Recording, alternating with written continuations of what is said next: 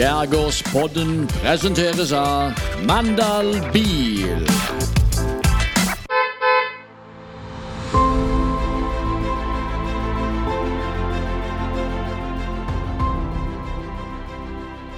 Velkommen til nok en skjærgårdsprat levert av Skjærgården kultursenter.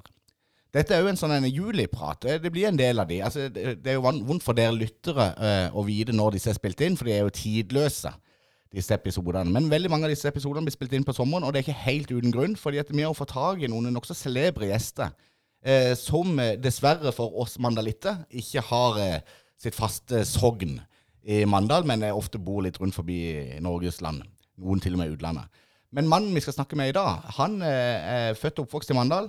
Eh, har flytta ut fra Mandal. De aller fleste er kjent med navnet til dagens eh, gjest. og Det er jo ikke noen stor hemmelighet, for det står på coveret til episoden. Så velkommen til Skjærgårdsbråten, Dag Hunstad. Hjertelig takk. Jeg har gleda meg litt til denne praten her, må jeg si. eh, Fordi, eh, av flere grunner. Eh, Du, vi har jo en eh, liten link, eh, fordi at Ime eh, st st står nokså sentralt eh, i begge våres liv. Stemmer det. Absolutt. Det var liksom Barndomshjemmet lå jo der, og det var, var hyggelig på å gi med meg noe fart og noe unger i det hele tatt. Ja, vi skal komme inn på det, fordi at det er kiosk eh, liksom, Hver gang vi har en sånn skjærgårdsprat med folk eh, som har- hører til Mandal, så kommer vi alltid inn på kiosk. Det var liksom eh, eh, Du er jo historiker. Eh, Jeg vet ikke om det er det du liker å bli kalt som, eller er det forfatter, eller er det Jo da, historiker er helt fint. Ja. Ja, det er det du er av profesjon. Mm. og ikke hvilken som helst historiker heller. Jeg googla, og nå så er siden 2018 så har du vært leder av Lokalhistorisk institutt. Er det riktig? Eh? Ja, Betegnelse. eh, har vært leder for noe som heter Norsk Lokalhistorisk institutt, som nå er en del av Nasjonalbiblioteket. Og så har jeg på en måte gått litt tilbake til universitets- og høyskolesektoren der som jeg har jobba tidligere. der, Så nå er jeg leder for noe som heter Institutt for samfunnsfag, religion og filosofi, som ligger under Høgskolen i Innlandet. Så da jobber jeg faktisk på Hamar. Det har jeg gjort siden april i år. Ah, så du er høyskoleansatt? Det er jeg. Ja. Eh, vi skal jo tilbake eh, fra starten av, så kommer vi innom et par av disse tingene etter hvert. Men eh, jeg prøvde jo nå eh, å google 15.4.1976. For jeg tenkte det kan jo være eh, noe som skjedde da i, rundt i universet samtidig som denne mannen ble, kom til verden. Men 15.4.1976 Jeg vet ikke om du har googla, du er jo historiker. Men det er nokså kjedelig da. Sånn, hvis en ser på verdenshistorien. Det var ikke så veldig mye som eh, skjedde. Yankees slo et eller annet eh, eh, lag 4-0, eh, noe baseball i USA. Og så var det noe listepopmusikk som var liksom helt sånn ute av det. Det var liksom ikke noe 1976, var det, var det ikke noe spesielt år, det? Nei, altså iallfall sånn Hvis en ser sånn musikkhistorisk, så var vel kanskje det ikke liksom den helt store perioden. Det jeg husker sjøl, liksom den første låten jeg husker, det var vel den her eh, Chiquikita med ABBA, liksom. Det Ah, var jo ja. veldig inn. Og så var det vel kanskje noe sånn New Wave og noen sånne greier som jeg ikke har så voldsomt rede på. Men Nei. dette var vel litt sånn i dødvannet sånn eh, kulturhistorisk sett, kanskje, den der siste delen av 70-tallet.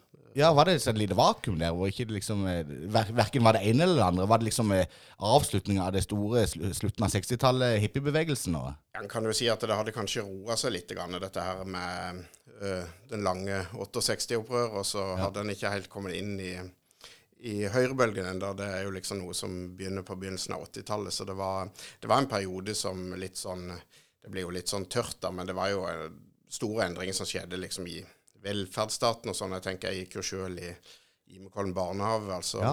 begynnelsen av 70-tallet så var det jo veldig få uh, andel av Norges barn som gikk i barnehagen, fa faktisk. Ja. Uh, det var jo 70-tallet som kvinnene kom inn i arbeidslivet, og, og etter hvert så gikk jo det store flertallet av barn i barnehage. Ja, akkurat. Ja, Det er jo kjempeinteressant. Og Imekollen der er det jo en link, for det gikk jo jeg. Det er Imekollen barnehage det var den ærverdige barnehagen som lå på eh, Ime 2, rett ned forbi butikken, for de som er veldig lokalkjente. Uh, og så lurer jeg på om det var mann og menighet, et eller annet. Det var sånn Ja, det var vel eh, Det var Indremisjon. tilknytta en misjonsorganisasjon, iallfall. Nå eh, burde jeg jo selvfølgelig ha visst det, men Ja. eh, Nei, du kan ikke vite alt. Nei, men, men, Du har ikke eh, skrevet bok om det, har du det? Eh, Det har jeg absolutt ikke. Men, men det som var litt spesielt, var at eh, jeg vokste opp i et hus som lå ved siden av den barnehagen. da, Så det var bare et gjerde som skilte. Så jeg begynte der i 79, var det vel, når de åpna barnehagen. Og så, og så var det et sånt hull under gjerdet, så der kunne jeg bare gå og så hente min egen lege når jeg ble lei da. Hvordan, hvordan så de andre barna på det, den strategien? Jeg tror nok at jeg ble rimelig populær, eh, sikkert mer populær enn en, Enn de som ikke hadde med Ja, sin egen ja. lege. Men etter hvert så tok de voksne tak i dette her, og så satte en stein der. da. Så Ja. da ble det ikke noe flere sånne Ja, det var litt sånn flytende mellom hjem og barnehagen første tid. Ja, for det, Nå ble jeg litt usikker, for jeg var sikker på at du var født og oppvokst nede i Rauneveien. Nei, jeg bodde i uh, Lindeveien. Ja, akkurat. Eh, men så var du inne på musikk der, at du husker den første ABBA-låta. For musikk det har stått nokså sentralt i livet ditt. Men kom det, kom det tidlig? Det gjorde det vel for så vidt, altså i og med at jeg begynte å spille piano og begynte, å, begynte i guttekorps og, og, og sånne ting som det. Da jeg hadde Uh, en far som spilte i musikkforeninga, og dirigerte aspirantkorps tidligere, og da dir- dirigerte han noe som heter Holum skolekorps, og hadde to, to eldre søsken som spilte, sånn at det, det var jo egentlig relativt tidlig. Men øh, så, så ble jeg liksom mer interessert i musikk på en litt annen måte, og vokste kanskje litt ut av liksom korpsbevegelsen etter hvert. da, og Fikk sans for, for litt andre sjangre da. Og det skal vi innom, for jeg hadde tidligere i dag så hadde jeg faktisk besøk av Eirik Christensen, som er eh, Det er ikke feil å, å titulere som leder av Mandaljazz. Eh, og når jeg sa det at Dag Hunstad eh, kommer i dag, da fikk han eh, store øyne. Eh, for eh, da han, han nevnte det liksom som en eh, som en nokså viktig del av jazzmiljøet i Mandal. Eh, altså iallfall navnet. Og du spilte saksofon. Jeg spilte saks, ja. Jeg gikk fra klarinett etter hvert til saks da, og jeg er veldig imponert over det Eirik og, og de andre har fått til når det gjelder den jazzfestivalen. Det har jo blitt helt vanvittig stort. Ja. Eh, du gikk eh, selvfølgelig på Ime barneskole. Det stemmer, ja. Ja. Og du hadde en mor som var lærerinne, hvis ikke jeg husker helt feil. Det stemmer jo, ja. For det var nemlig Nå kan jeg bli arrestert her, men Anna Hunstad. Det stemmer, ja. Engelsklærer. Ja, hun hadde vel ulike fag, men hun hadde bl.a. engelsk, ja. Og jeg kan huske Det var hun som introduserte meg for engelsk. Eh, og sånn som jeg husker Anna. Anna var veldig snill. Og så var hun en veldig typisk lærerinne, egentlig. Vi hadde veldig respekt for eh, lærerinna. Mm, sånn var det jo litt i den tida. Og, og nå er det jo litt pussig, for nå Jeg har ikke jobba som lærer på, på, på de nivåene sjøl, men nå jobber jeg på en måte med å administrere lærerutdanning. Og det er jo verdens, det er jo, det er jo verdens viktigste jobb å være lærer, sånn jeg ser det. da. Både, både de som jobber som barnehagelærer og lærere i andre skoleslag. Det er jo liksom det er jo med barn og unge det skjer, på en måte. da. Jeg har en enorm respekt, spesielt for som førskolelærer, altså, eh, som klarer å stå for noen hektiske dager de har, og for en viktig jobb å ruste disse barna til, Absolutt. til livet. Så er jeg jo litt, litt sånn spent, da, fordi at uh, søkninga til, til disse lærerutdanningene de har jo liksom gått litt, uh, gått litt ned og sånn. da. Det er jo kanskje sånn at lærere nå for tida ikke har liksom ikke den samme posisjonen i samfunnet som de hadde tidligere osv. Så, videre, så en må nok gjøre noen grep som på sikt for oss å rett og slett sikre seg at en har nok lærere i skolen. For det er jo rimelig viktig, sånn jeg ser det. Det er jo veldig synd at ikke de har den samme posisjon. Er det den sosiale statusen som har endra seg litt, eller er det Ja, sammensatt? Det er nok sammensatt både sosialt og sikkert litt økonomisk osv. Men det var jo sånn at lærerne de var jo på en måte Hvis en går litt langt tilbake, så var jo det liksom høvdingene i lokalsamfunnet. De er liksom kalt for kulturelle matadorer. De sto jo for veldig mye av organisasjonslivet osv. I et lite lokalsamfunn så var det jo på en måte presten og læreren og kanskje lensmannen som liksom hadde, hadde status, og da var det læreren som liksom tilførte på en måte den kulturelle kapitalen. Sånn ser jeg jo i Mandalsdistriktet òg. De, de var jo en snakk om Tordenskjold-soldater, de som på en måte tar på seg alt mulig. og det er jo veldig imponerende hvordan de liksom la hele livet sitt inn i lokalsamfunnet, på en måte, disse lærerne for, for noen generasjoner siden. Absolutt. Ja, så For noen generasjoner siden så var lærerne med og de identifiserte mye av kulturen i lokalmiljøet, vil jeg tro. Absolutt. De var igangsettere, og de var jo eh, De, de sto jo både altså både politisk liv og, og alt fra sangkor til skytterlag osv. De snakker jo gjerne om liksom de typiske venstrelærerne da, på eh, kanskje særlig sånn slutten av, slutten av 1800-tallet osv. Vi hadde jo en sånn en person som på en måte bare ga og ga her fra Harkmark, som heter Lauritz Fuglevig. Jeg har særlig vært borti han fordi at han samla inn en god del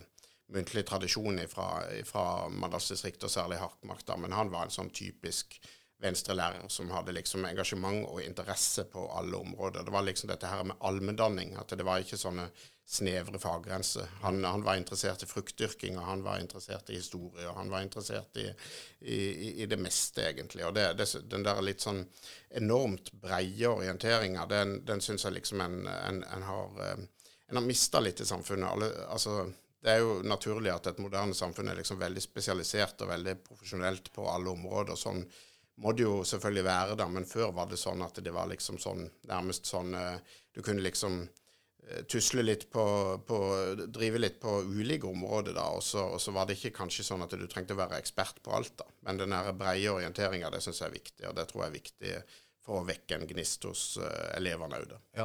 Var det det som definerte en venstrelærer? Du, du bruker det begrepet? En, ja, Det var jo kanskje først og fremst at de, at de tilhørte partiet Venstre da, i den mm. tida en bare hadde to partier, så sto mm. jo de for den retninga som var liksom sånn uh, nokså norsk uh, og nasjonsbyggende, for å si det sånn, da. Ja. Men åssen var Dag Hunstad på skolen?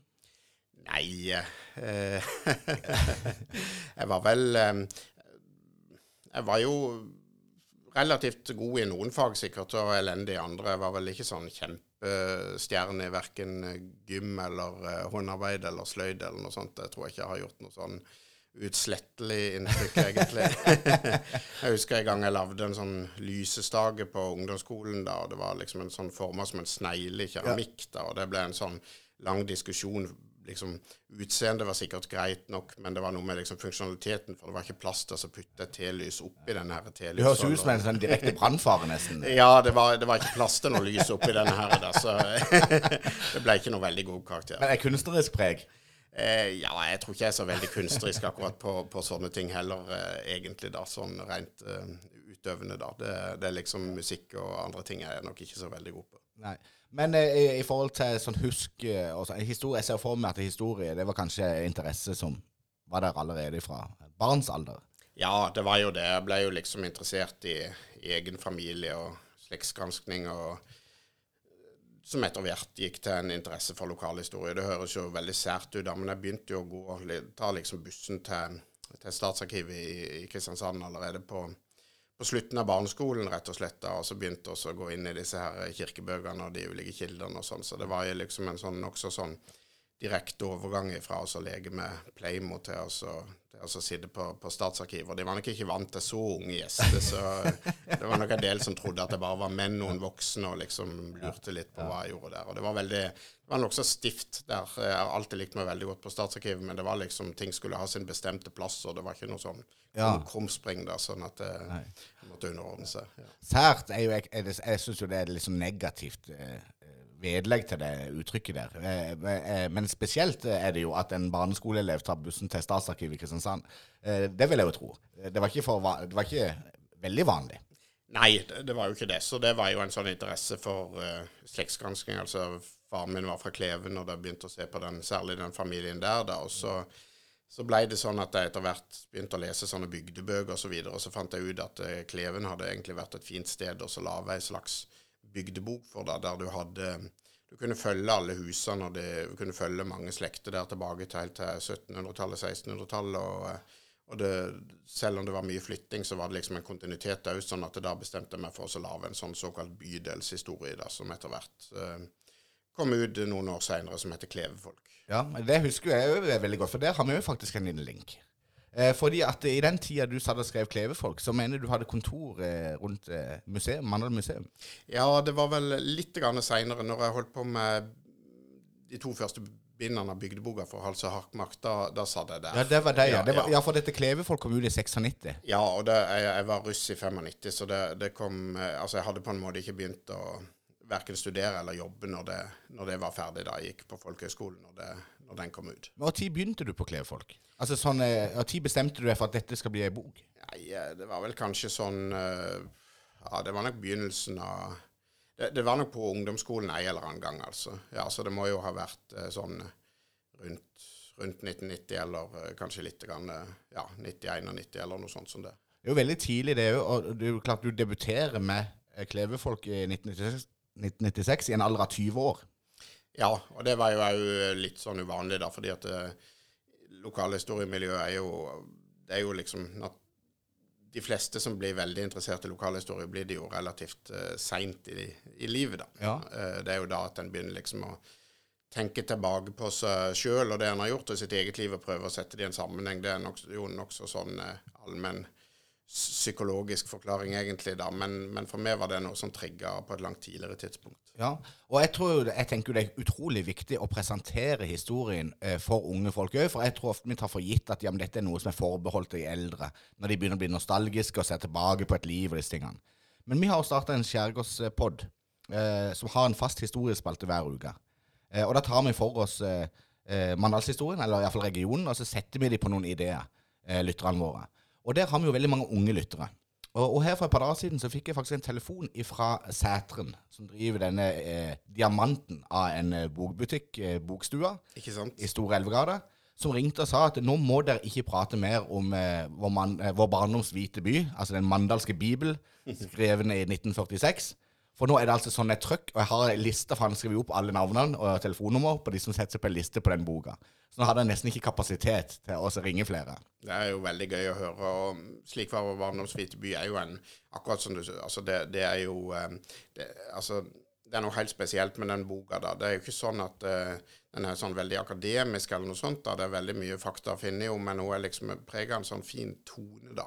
Kanskje særlig når forfatteren skriver om sin egen uh, barndom og oppvekst. da. Så det er uten tvil liksom den Jeg pleier å si at det er den vakreste boka som er skrevet om Mandal. Det er liksom en sånn Du får på en måte en sånn dom, som det heter på nynorsk, eller en sånn Ja. liksom den, en tone av et eller annet. Og det samme, det samme kan du òg se i en annen bok som kanskje som ikke er så kjent, men det er denne her som Yngvar Lillesund skrev om Støkkan. da. Ja. Fordi at det er greit nok det står mange årstall og fakta i den boka òg, men når han liksom blander inn da det som han eh, Altså sine egne barndomsminner på stykkene, da, så får du liksom noen sånne veldig klare glimt inn i ei tid og et miljø som er helt vekk, rett og slett. da. Så det syns jeg, jeg er veldig fint. Og det er jo det er jo én viktig grunn til at en blir interessert i historie. Det er jo det at eh, liksom denne her ideen om det det litt sånn nostalgisk, altså det som er gått tapt, og det som er liksom eh, eh, Altså en kan, kan godt si at, eh, at det, det, det nære det er ofte noe som trigger. Det at det nære har forandra seg, det er noe som barn begynner å tenke på. Så barn har jo òg en historieforståelse, ikke sant. De snakker om gamle dager og så videre da. og Gamle dager kan være fra istida til når foreldrene var unge. ikke sant? Men, men dette skillet mellom før og nå det kommer relativt tidlig. Og det, Vi snakket om disse her lærerne i stad. Og det er jo sånn at eh, Lokalhistorie var nok en fellesnevner. altså De fleste bygdebøker ble skrevet av lærere. og Det tror jeg rett og slett er fordi at eh, de så dette her, at det er et veldig viktig pedagogisk poeng i å sette seg sjøl og lokalsamfunnet sitt inn i en historisk sammenheng. altså å begynne med det nære og kjente og gå bakover, det er liksom et sånt, eh, det er et sånt pedagogisk triks, nærmest. Ja, jeg blir jo, eh, altså det er iallfall et triks som funker på meg. For dette, når jeg får noen noen tips fra Sætren eller Knut Linseth, når jeg bare får noen drypp her og der, eller Nils Reidar Christensen, mange av disse som er opptatt av historie i byen, så får en utrolig trang til å forske litt videre på disse tingene. Men hvis vi tar den der, hvis ikke vi slipper den der vår barndoms hvite by helt ennå eh, Einar og Hoven, 1946, skriver de første 20 sidene, er litt sånn fakta eh, eller faktabasert eh, skrift. Og så introduserer han sine følelser rundt barndommen i Mandal. Og han skriver jo for det meste i jeg-form, eh, og sine følelser. Som historiker, er det litt sånn eh, eh, Er man raus nok til å anerkjenne den boka? For du kalte den for den vakreste boka. Eh, men er det, er, når du skriver sjøl, det er blandinger mellom fiktive ting og det med Jeg går ut fra at du er spesielt opptatt av fakta. Altså Du har jo en profesjon som på en måte forlanger det. Det er et veldig interessant spørsmål, og det er jo noe som jeg jobba for når jeg var leder på Lokalhistorisk institutt. Det var liksom denne her eh, brobygginga mellom, hva skal du si, alle de som driver med, med liksom frivillig historiearbeid på, annen, på et eller annet nivå, og skriver om sine egne minner, sin egen oppvekst osv. da, og og, og de, liksom, de mer sånn akademiske miljøene. da.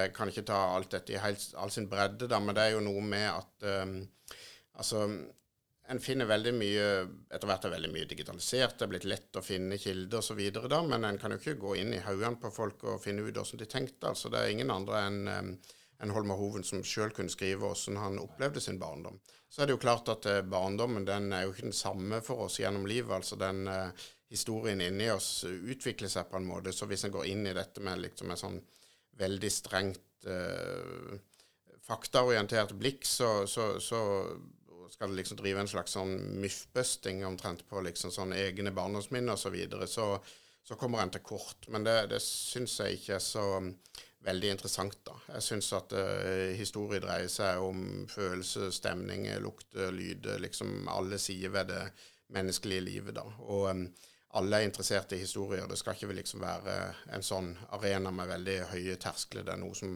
alle skal få lov til å drive med, og um, det gjør de jo òg. Bare for oss, Når jeg kommer inn på det sporet, så kan jeg jo si at jeg har vært sittet i styret i noe som heter Norges kulturvernforbund, som representerer veldig mange forskjellige sånne organisasjoner som, som har med historieaktivitet, alt fra kystlag til husflidslag til gamle båter til slektsgransking osv. osv. osv. Og det, det er jo eh, jeg lurer på om det er 250 000 medlemskap eller noe sånt. altså dette er jo, og Tenk på alle de som driver med dette på egen hånd uten å være medlem av en forening. altså Det er sikkert en million mennesker som er interessert i dette på et eller annet nivå. Så det, det er en av Norges største folkebevegelser, organisert eller uorganisert. Og så til slutt så kan jeg jo si der da at um, siden vi da tilhører den generasjonen som på en måte har sett internett komme, da. Generasjon X? Ja, noe sånt er det det det heter. ja. ja så, det, så, var det jo sånn liksom på 90-tallet, når, når liksom data begynte å endre samfunnet, så var det jo mye snakk om at dette her med historie, og særlig dette med sted osv., at det kom ikke til å spille noen rolle for folk. Da var det liksom den globale landsbyen, the global village osv. En indisk antropolog som heter Padurai, som snakka om ulike scapes, og at sted ikke var en så viktig dimensjon som det hadde vært. Men hva skjedde? Altså, Internett ble brukt til altså digitalisere gamle aviser. Det ble brukt til å opprette Facebook-grupper for Du vet du er fra Imenor, eller hva de heter for noe, alle sammen. da. Sånn at dette trigga jo bare en enorm interesse. Det bare ja. førte det inn i nye former. Det eneste som jeg syns var litt sånn aber med det internettet, det er jo det at eh, en del eh, veldig sånne eh, utviklende diskusjoner som foregikk på puben, f.eks., de hadde jo en tendens til å bli brått avslutta. De varte ikke like lenge lenger. Og Jeg har jo spesielt en som jeg ofte tenker på, da, fordi at jeg sa det sammen med en legende i Mandal, Finn Johnsen, som var relativt standhaftig i sine påstander. Eh, og det fikk han jo lov til å være i veldig mange år, helt fram til internettet kom. For dette, da kunne man jo kneble disse eh, historiene, og det syns jeg var veldig synd. Men en gang så, eh, så hadde vi en diskusjon angående Hordaland, eh, Sunnhordaland og Rogaland. For Ølen kommune hadde hatt en folkeavstemning i 2001 eller 2002 eller et eller annet sånt. Og så hadde de valgt å gå over i Rogaland Eh, fylke fra Hordaland. Og så påsto Finn Johnsen på det hardeste at eh, nei, det stemte ikke, det var motsatt. De hadde gått fra Rogaland til Hordaland. Eh, og da var ikke internett kommet så langt ennå, så da gikk jeg inn på eh, museet. Og så ba jeg da, for jeg lurer på om turistsjefen sa der. Så sendte da turistsjefen i Mandal en mail til turistsjefen i Ølen kommune. Og så fire dager etterpå så kom det et langt svar. Og da ble det som en slags markering, hele den diskusjonen. Og noen få år seinere så, så, vil jo altså det, var jo, det er jo helt sånn utopi å drive sånn type forskning eller granskning den dag i dag. Det er jo det, og det er jo liksom sånn Du vet jo Guinness rekordbok, den ble jo utgitt da fordi at de satt nettopp på puben og så diskuterte om hva som var den raskeste uh, fuglen i flukt, jaktfuglen uh, da, uh, og liksom for å gjøre Var det roten til Guinness? rekordbok? Det var roten til Guinness rekordbok, ja, ja. så du kan si at Guinness altså, Det er jo liksom den samme hva skal du si, kunnskapsutviklinga, enten det var leksikon eller så videre, ja. men det med internett var jo det at det ble så massivt og så enormt, og, og nå har en så mye informasjon at en har behov for kildekritikk osv. Det er jo Vi har snakka om at uh, historie kan dreie seg om liksom subjektive ting da osv. Men det er klart at uh, vi, vi, trenger jo òg fakta for oss å få uh, utvikle samfunnet vårt og, og, og, bygge det på et solid fundament. Og da er kildekritikk ekstremt viktig å lære unge mennesker særlig. da. Ja, det er jo kjempeviktig, og det ser jeg jo i skolen. Har en sønn på 16 år. Kildekritikk er jo hakket mer vesentlig i dag enn når jeg gikk på i 10. klasse på ungdomsskolen, for å si det sånn. Nå er det jo Eh, men jeg syns allikevel det er veldig viktig det du sier det med rausheten til i forhold til å bevare disse historiene. Du, du, sa for litt siden om at du, du innhenta historier som har gått på folkemunne. Eh, og det, det, er klart å ta vare på disse historiene òg. For det, det går i grenser for når er det sant og når er det usant. Hvor mange kildebånd man har for å definere en historie, eller kvalitetssikre en historie. Mm. Eh, og en del av disse vil du ikke få nok kilder på, kanskje. Og du har jo fordypa det i Kleven, f.eks det er vel noe begrensa. Altså, når vi er tilbake til 1600-tallet, før opplysningstida og Altså, noe eh, historie der må jo være henta uten at du nødvendigvis kan fullstendig kilde være kildekritisk på all informasjon, liksom? Ja, altså kildekritisk kan en jo være det, men det er det at når en kommer så langt tilbake som 1600-tallet, så, så, blir kildetilfanget såpass begrensa, da. Og da må en til å ikke dikte, men prøve å tenke seg hvordan det kan ha vært, rett og slett. da. Og det er jo noe av det som er vanskeligst ved å være historiker, og så liksom eh, ha få kilder å basere seg på. Og jeg tør nesten ikke tenke på hvordan det er å være arkeolog, da, fordi at da har du jo eh, ikke noe skriftlig kilde. altså Arkeologi dreier seg jo liksom det som er før historisk tid, altså før en begynte med skrift. Og, og da, da, da, må en liksom uh, operere på en helt annen måte. Men, uh, men, jeg vil gjerne igjen si at liksom dette her med muntlig tradisjon osv. altså det har ikke så veldig mye å si uh, egentlig om, om, alt dette er liksom sant i objektiv forstand. Det er noe med det at uh, det er et uttrykk for en hva skal en si, en folkelig, en folkelig kultur da, og kan gi oss mange andre innsikt i, i, i samfunnet, selv om kanskje ikke navnene er de riktige osv. Og, og ja. dette dreier seg om eh, historieforståelse. og det er, ikke noen, altså det er ikke et utdødd fenomen at en forteller hverandre ting og liksom snakker om eh, Vi former historieforståelsen vår sammen med andre mennesker. Det gjorde en i eldre tider òg, selv om de ikke hadde internett. Men i Kleven, var det så mange gledeshus og puber som vi har lyst til å romantisere det som? Ja, det var det jo. Ja.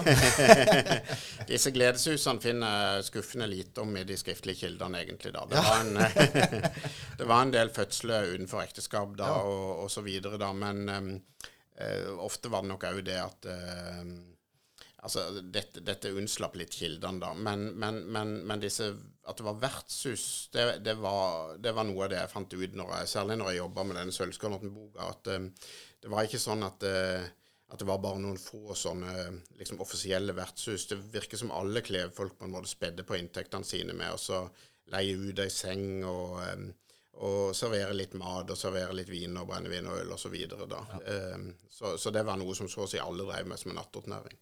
Vi snakker jo om at Mandal nå på sommerstid eh, tredobler seg i eh, folkeantall og sånn. Men på denne tida, hvis vi går tilbake til 1700-1800-tallet, mm. så var jo populasjonen i Mandal var jo ikke spesielt stor, men det var vanvittig trøkk allikevel i disse havnene på Spitsbo og Kleven. og... Det var jo det, og særlig Kleven utvikla seg jo til å bli en av de mest populære havnene egentlig i, i seilskutetida. Det, ble jo sagt at tyske kapteiner kunne ligge der tre måneder for motvind. Eh, ja. Og det var jo bare tull. Det var jo bare fordi at det var gøy å være i Kleven. Ja, så det var et eh, nokså sånn eh, vitalt eh, miljø? Ja, og du kan tenke deg på, den, på begynnelsen av 1800-tallet bodde det litt over 200 mennesker der, eller noe sånt var det vel. og um, det kunne, Jeg har sjøl sett i sånne, var det 12 eller var det losprotokoller, at det kom inn 89 eller noe sånt skip på én dag. 89? Ja.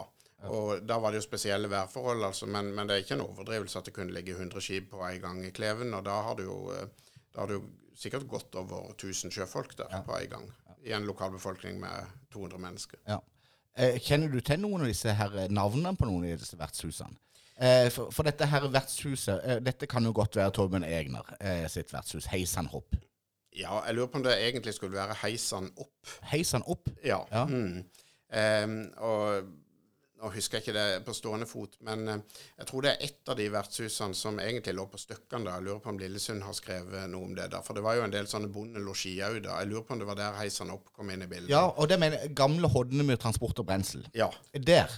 Eh, Nils Reidar er veldig klar på det, og der var det heisene opp. Og det handla om jeg, jeg, tror det handla egentlig om at det var en av disse gjestene som kom i rullestol, og så heiste de han opp altså utvendig via noe strikkesystem de hadde lagd. Akkurat, ja. ja. ja. Eh, det var iallfall en som ble heist opp, ja. Det, det, det mener jeg òg jeg har hørt, ja. ja.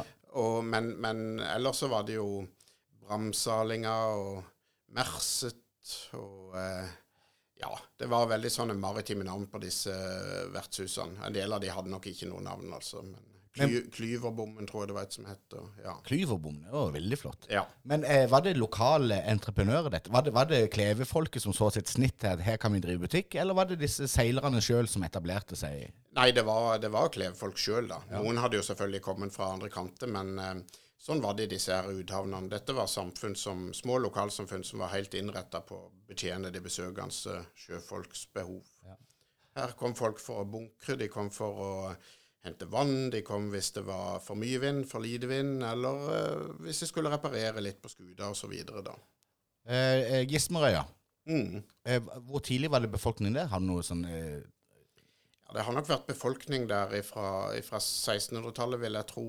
Um, uh, og det var jo uh, Altså, så vidt jeg husker, så var det vel Tørres Nednes som, som, som etablerte havarivirksomheten. Men altså, Kranbrygga lå først på selve Kleven, og så ble han flytta ut til uh, Gismerøya. Uh, husker ikke nøyaktig hvor det var, men det var iallfall lenge før uh, Sølvskålnatten. Og For å sette det litt i perspektiv til våre lyttere, hvor stor betydning eh, Mandal og Klevene hadde sånn, Du var inne på Tørres Christensen Edenes som eh, fikk tittelen etter sin død, kongen av Mandal. Eh, og Det var jo et uttrykk som sa noe sånt som at eh, kongen av Danmark har mange munner mette, men kongen av Mandal har enda flere. Og I 1704 så lånte han 89 600 riksdaler bort til eh, kong Fredrik 4., som var egenhendig på besøk for å låne disse pengene. Og just her om dagen så fikk jeg eh, via en lytter Eh, som hadde vært inne i Den norske bank og gjort en sånn valutaovergangsgreier til 2022. Og det tilsvarer altså 181 millioner norske kroner.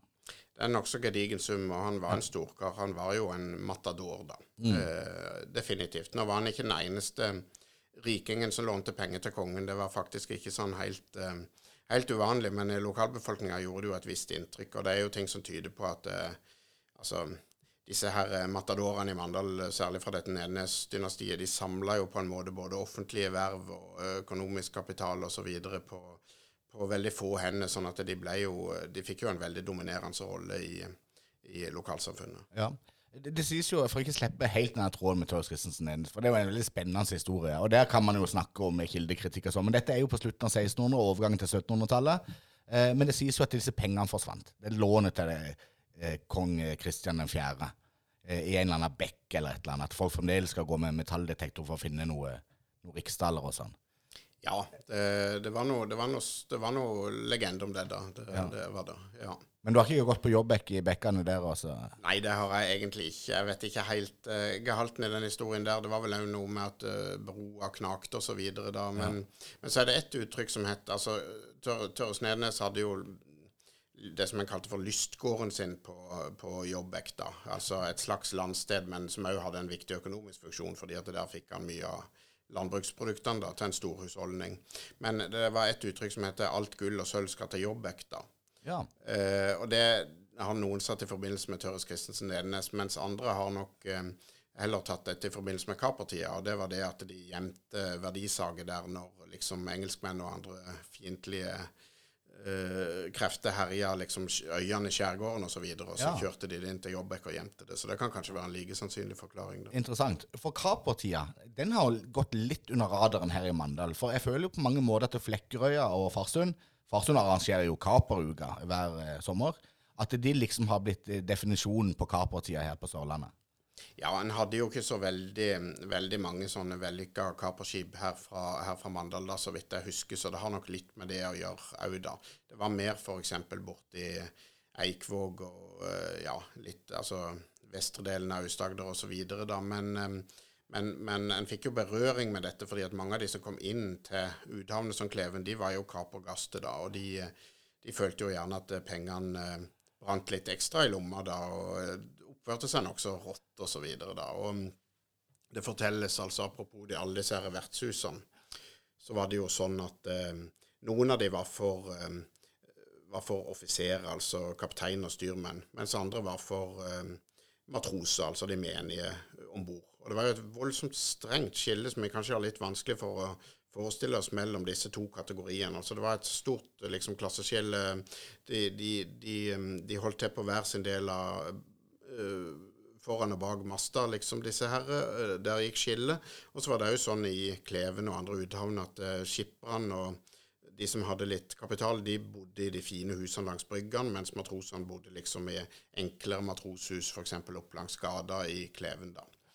Og når de var i havn, så var det sånn at um, da, var det, da, var det, særlig kapteinene som gikk liksom i skipperhus, hvor det gjerne var ballsal, og de drakk puncher og gikk med flosshatt og spilte biljard osv. Og, og har funnet annonser på biljard som ble solgt fra hus i Kleven osv. Så, videre, så dette er ikke bare røverhistorie. Mens disse matrosene gikk på litt sånn enklere kneip osv. Morten D. Bessesen har eh, skildra dette nokså nok så, uh, levende fra, det han har hørt og fra sin oppvekst. Han var født i 1860-årene.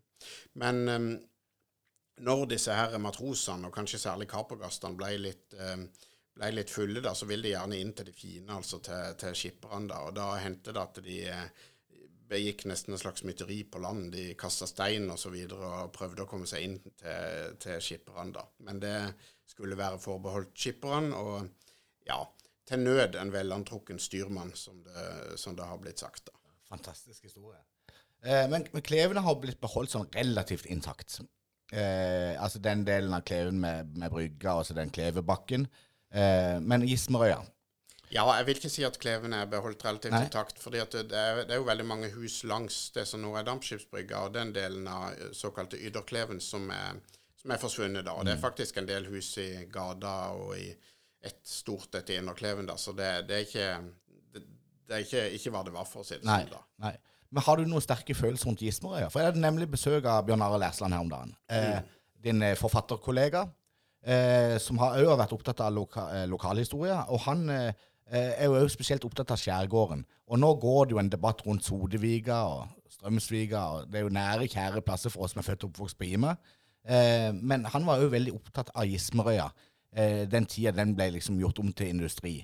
Og han dro jo til Torbjørn Egner for å forfatte ned Torbjørn Egner sin tanke om dette. Men det var for sterkt for Torbjørn Egner, så han kunne ikke levere noe. altså Det var for følelsesmessig sterkt. Det skjønner jeg, ja, for han hadde jo et eh, forhold til, til, til den øya siden han begynte å feriere der med familien på 50-tallet. Og jeg husker jo veldig godt min far var nokså engasjert i denne her eh, um, i denne her aksjonen som heter La øya leve, da. Og det var jo det var jo veldig harde, harde fronter den gangen på begynnelsen av 80 80-tallet. Jeg, husker jo- jeg husker jo dette godt. Og jeg syns jo det er nokså grusomt å se hva som Jeg husker jo Ismael sånn den var da. Og Ja. husker at vi feirer Sankthans der og så videre da, og det er jo ikke Du skal være nokså spesiell for oss å si at det har blitt noe spesielt fint.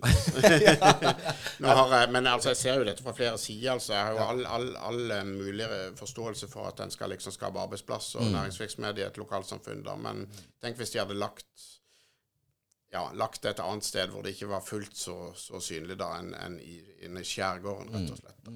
Ja, og vi sitter jo akkurat uh, as we speak, så sitter vi jo her på et uh, næringsbygg på Skinsnes. Og man skal jo ikke tilbake så veldig mange år før Skinsnes var en grønn oase med masse bekkeløp og, eh, oppover til elva. Mm, nei da, det, det så jo litt annerledes ut. Det gjorde jo det. Det er klart at uh, noe utvikling og, og vekst og utnyttelse av arealet ha, da. Men, eh, men akkurat Gismerøya syns jeg de kunne ha spart seg det. Ja, jeg tror det er, ma det er mange som mister nattesøvn. Altså, Knut Lindseth var jo, eh, han har jo snakket med mange ganger, han var jo ordfører på den tida.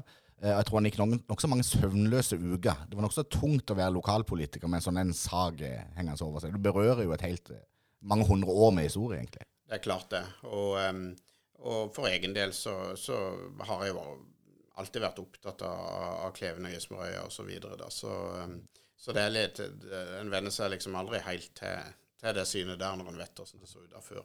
Dette er jo en liten digresjon. Vi snakka med Herman Lunde, som sitter i krabbebua der nede i Kleven den dag i dag, 94 år gammel, på elsykkel. Han mener han er den eldste mannen som har eh, investert i elsykkel. Eh, og han sliter litt med å stoppe han, for han mener at han stopper ikke når han vil. Han kan ikke bare sette foten ned som i gamle dager. Nå, nå sk- sk- skrenser han bortover. Eh, men han eh, er jo født og oppvokst på Ismøya. Eh, Fram til tyskerne kom og overtok eh, De måtte flytte til Kleven. Ro over eh, gjennom sundet der. Og da fortalte han en nokså levende historie om hans søster, storesøster, som anla en tobakksgård på Gismerøya. Og under en prøveskyting da, for tyskerne der, så var det en østavind som hadde tatt tak i den ene raketten, og så kjørte han rett ned i den tobakksågeren. Men da saksøkte hun disse tyske offiserene, og fikk medhold. Så de kompenserte hele planta tobakksplantasjen. Jøss, det var litt av en historie. Ja, så de kunne fortsette å drive på med dette. De sendte den tobakken til Stavanger, hvor de hadde en onkel eller et eller annet som fortsatte virksomheten der borte. da. Men det sier jo bare litt om at det var nokså levende miljø der ute. Eh, og det er ikke så mange år tilbake. Nei da, det er jo um, Og det kan en jo si Men altså um, Nå er det jo riktignok bro over til Ismorøya, men en kan tenke seg liksom Altså Ja, for ikke, Jeg skal ikke dramatisere for mye her med befolkning altså liksom Bosetningsmønster på hele sørlandskysten har jo forandra seg i og med at folk har trukket inn fra de ytterste øyene. Det var ikke noe alternativ å bo der når en ikke fikk bro, og det ikke var stort nok lokalsamfunn og til å ha egen skole osv. Så, videre så andelen av de som bor på øye, øye som ikke fikk bro, den har jo gått betraktelig ned. Samtidig så er det Så, så, så dette er jo liksom ikke bare Gismarøya, men det er mange øyer langs sørlandskysten. Ja. Samtidig så er ikke Sørlandet Nord-Norge. altså Det er ikke sånn at um, folk nødvendigvis måtte flytte så forferdelig langt på seg. Ja. Altså, Vi har jo en haug av byer her langs sørlandskysten. og- Så, så det ble liksom ikke så dramatisk, og en fikk uh, fine hytter på disse øyene osv. Samtidig så er det jo liksom disse øysamfunnene, sånn som Landøy og Udøy og osv., det er jo på en måte det er, jo, det er jo liksom kystkultur i sin mest, uh, omtrent mest foredla form i den forstand at det var veldig sånn maritimt, og øh, de, de levde, levde av havet og var knytta til det på en veldig spesiell måte. da. Så hadde det ikke kommet en bro ut til Skjernøya på 60-tallet, så kunne jo det samme ha skjedd der. da. Der var jo befolkninga i, i, i, fall da, før de fikk. Ja. Herman Lunde mente jo Torben Egner, eh, når broa kom, så fortsatte han å ro over. Han parkerte bilen der før broa der, så det var noe sånn prinsipp der. Og så hadde han med seg en sånn slags egen sånn uniform, som var liksom Ismerøya-uniformen som han kledde på seg før han satte seg i båten for å ro over. Mm, ikke sant. Jeg hørte et gammelt radiointervju med han, og han tok jo en del buss, tror jeg. For han, han, der fortalte han at han kom på den her sangen om Kaptein Sortebil når han tok bussen mellom Mandal og Kristiansand. Ser du det, ja? Ja. ja. ja og eh, Herman Lunde mente òg at det var overveiende sannsynlig at Kardemommeby ville ha finne sin plass på Ismerøya, hvis det, Ismerøya hadde fått lov til å være Ismørøya. Det var liksom Torben Egner sin våte drøm om å etablere det miljøet der. Og Herman Lunde mente jo det ville blitt litt vel for mye for en enslig krabbefisker å håndtere tusenvis av Så jeg tror han var veldig fornøyd med at det ikke ble det. Men vi må tilbake litt grann til eh, Dag Hunstad igjen. Eh, for eh, du nevnte noe om musikk. Du ble eh, involvert i musikkforeninga. Eller i Mandal guttekorps. Ja. er vel det første man møter da, som er sånn korps eh, i et korpsliv. Mm. Og det var jo det er jo veldig bra å tenke tilbake på hvor mye disse her voksne frivillige liksom la ned arbeid for at dette skulle fungere da. Det var, det var mange som spilte der, jeg hadde mange kamerater som spilte der osv. Og, og, eh, og det var et, eh, var et positivt miljø. Og det er, jo, det er jo litt sånn dette her med Altså Korps er på en måte en form for lagarbeid. altså Du skaper noe sammen. da, Det, det liker jeg med, med musikk. da, At det er liksom ikke bare som en sånn eh, ren sånn individuell prestasjon. Du er avhengig av hverandre for at det skal, skal funke. da. Det, det liker jeg med musikk. Men på et eller annet tidspunkt så, så dro du videre fra korpsmiljøet. Mange er jo medlem av et korps eh, til, korps til man er for gammel, holdt jeg på å si. Eller noen blir jo fortsetter med det med man har musikkforening og alt mulig sånn. Men du eksperimenterte noe med, med jazz òg? Ja. Eh, et, etter hvert så, så ble jeg såpass interessert i det at jeg ville liksom se hvor langt det gikk da. Og så begynte jeg også å studere musikk da. Og så uh, utdanna meg til sånn såkalt faglærer i, i musikk. Og um, det, var, det var sånn rytmisk musikk som jeg var mest interessert i da. Men jeg fant nok ut at det liksom eh, å, å, leve, å leve de greiene der, da, basere seg på, på mange sånne strøjobber da, og da skal du være enormt flink, da. Så, Men vurderte du også å gå all in på det? Ja, hvis, jeg hadde, hvis jeg hadde vært god nok, så hadde det sikkert vært et alternativ, da. Men jeg tror nok jeg var en bedre, eh, bedre historiker da. Men eh, likevel så er musikk noe av det som jeg har hatt utrolig stor glede av, og forhåpentligvis glede av noen andre òg med. Men, men jeg har veldig stor respekt for de som har gjort det til et yrke, absolutt. Husken din, eh, Dag, er den spesielt god, eller er den selektiv?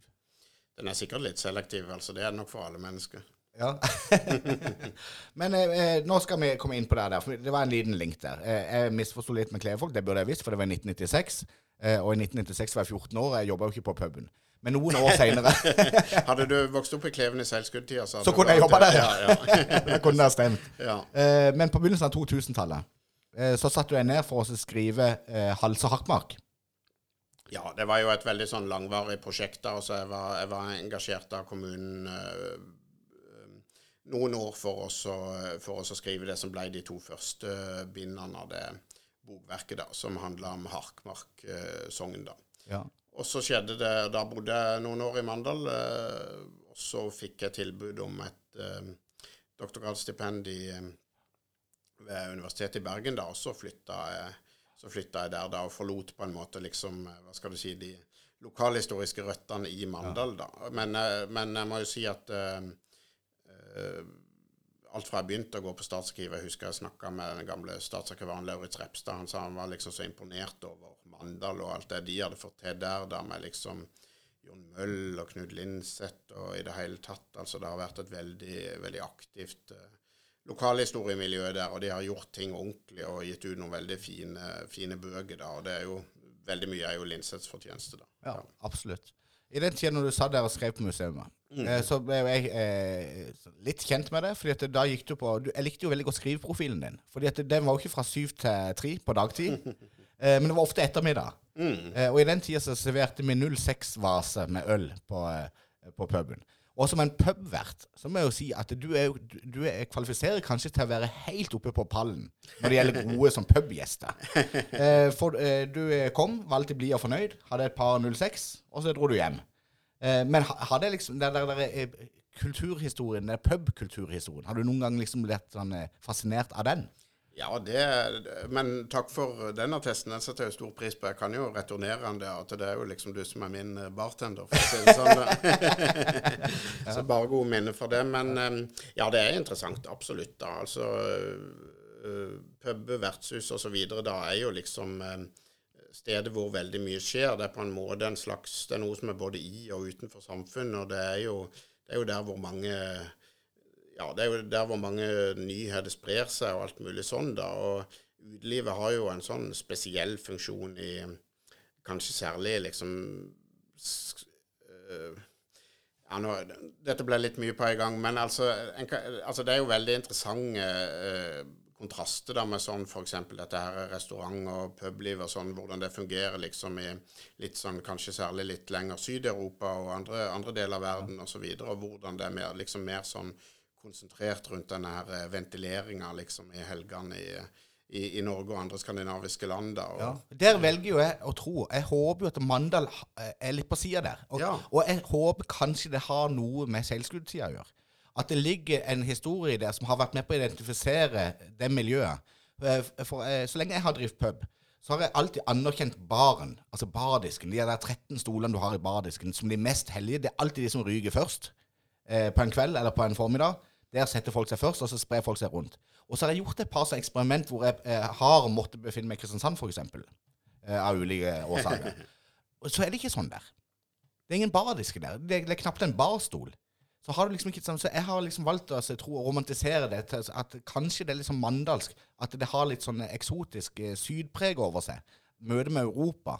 At det, det, det er rausere. Jeg har hørt mange gjester si det, at det er veldig stor forskjell på eh, kulturen. Det å bli møtt på puben i Mandal kontra bli møtt på puben i en eller annen norsk by. Ja, det, det tror jeg på. altså. Sånne lokale forskjeller kan det godt være. da. Også om kontinuiteten eh, helt tilbake til seilskuddtida, der det iallfall har vært spennende. da. Men, eh, men det er klart at det har vært veldig mye sjøfolk i Mandal da, som har på en måte vært vant til havneliv eh, verden over. For det er jo ikke bare det at fremmede sjøfolk kom inn til Kleven og Mandal, det var jo òg det at sjøfolk fra Mandal dro ut. Ja. Absolutt. Og det velger jeg å tro gjelder andre institusjoner. Jeg snakker med Eva Marie Jansvig, sognepresten i Mandal. Den første kvinnelige sognepresten i Mandal, vel å merke. Eh, hun, eh, der òg har jeg lyst til å tenke at den, kirk, den, eh, den Mandalskirka er litt sånn spesielt raus. Fordi at man måtte være det på 16-, 17-, 1800-tallet. Når vi fikk mye gjester fra Europa, det var mye sjømenn. Eh, det var jo mye alkohol involvert i livene til mange mennesker. Eh, og at det da liksom måtte noen i de tunge institusjonene òg tilpasse seg det miljøet. Det er iallfall sikkert at det gikk jo um, Det var ikke så veldig mange tiår mellom seilskuddtida ebba ut og turistene begynte å komme i stort antall til byen. Det var jo på begynnelsen av 30-tallet det, det liksom uh, løsna voldsomt da. Og, um, og, og da, da husker jo folk fortsatt at det kom fremmede sjøfolk til byen der. Det ble ofte, Jeg har nok sett noen sånn sammenligning i eldre aviser liksom med at uh, nå kommer det en helt annen bølge da med, med mennesker, da. Men mandalittene var iallfall vant til at eh, folk kom og ble glad i byen deres og kom her gjerne mange ganger. Det gjorde jo disse sjøfolkene òg. Absolutt. Jeg, jeg hadde jo en eh, tidligere gjest med all respekt, eh, Gudmund Oseberg. Han eh, gikk bort for noen år siden, men han, han satt jo på et lass med historie. Han er jo, hvis jeg ikke tar feil, født og oppvokst i Kleven. Han gikk, Stemmer ja. gikk på skole i Kleven, og han fortalte jo med stor entusiasme første gangen det kom en mørkhuda til Kleven, og de fikk fri fra skolen og fulgte rektoren opp til kaia for å se på dette som foregikk da, med at det kom en, med en spansk båt eller et eller annet som var Ja, og det er jo litt interessant, da, fordi at f.eks. denne her uh, Sølvskornatten som har skrevet, der var det jo to afroamerikanske sjøfolk om bord. da. Og, um, eh, og dette er jo liksom sånn, kanskje særlig gjennom den der sangen til Hellbillies, som de kanskje ikke spiller så mye mer der. så... En mega på Ål stasjon. Ja, så Ja. er det mye liksom Så tenker en seg tenker en seg kanskje nordmenn i fortida som mye mer sånn, eh, hva skal en si, innad- innadvendt enn det de var da. Men altså, når en hadde vokst opp i Mandal og Kleven, så hadde en en hadde liksom med hele sanseapparatet tatt inn eh, folk fra en masse nasjon, eh, etnisitet og religion. og liksom, eh, En hadde sett skilpadde, en hadde smakt på sydfrukt, en hadde, en hadde fått berøring med det store utland på et eh, tidligere tidspunkt enn andre, en andre deler av landet. Kanskje òg druesprit fra Spania. For jeg har jo nemlig hørt at det var noen som så en 40 meter lang eh, orm i Kleven. Med at de fleste kildene stammer fra det samme vertshuset. eh, som kanskje hadde vært eh, i befatning med noe spansk brennevin. Ja, det var faktisk et for, forhør om dette i tingbøkene der som er referert i 1860-årene. Ah, ja. sjøormen. Ja. Ja, sier du det? ja, jeg tror min tippoldefar var med på det. Men kom man fram til noe der? der altså? Nei, en fikk vel ikke noe sånn eh, bevis på noe som helst, om, men det var jo liksom Det var veldig mange som så dette, men det, kanskje det kan ha vært flere dyr som har liksom eh, svømt i flokk på en eller annen måte, sånn at det liksom setter ut som buktene på sjøormen da. Men dette er jo, for, dette er jo nokså dypt. eh, Men det, eh, det er jo dypt. Det er jo dypt i Kleven. Ja. Eh, og er, er det, var det spesielt? For det, det, var jo, det var antageligvis årsaken til at man valgte å flytte den hovedhavna Ja, ja, ja. til Kleven, for der kunne de store båtene komme inn. Og dypvannskaia i Kleven, er ikke den på 40 meter dyp? eller? Den er, veldig, den er veldig god og dyp, den, har den er beskytta av Gismrøya, og, og en, en kan ha mulighet for å seile inn og ut og bruke forskjellige løp, og alt dette her var viktige forutsetninger for at, um, for at det ble et utehavnssamfunn. Og så hadde en eh, tilgang på ferskvann i en bekk der, og så videre. Så alle faktorene var på plass for at dette skulle bli en kulturell smeltedigel. Nå har jo tida løpt fra oss her, da. Vi kunne si det i timevis. Men vi er nødt til å altså, eh, komme fram til 2022, iallfall til 2021, Sølvskånorten.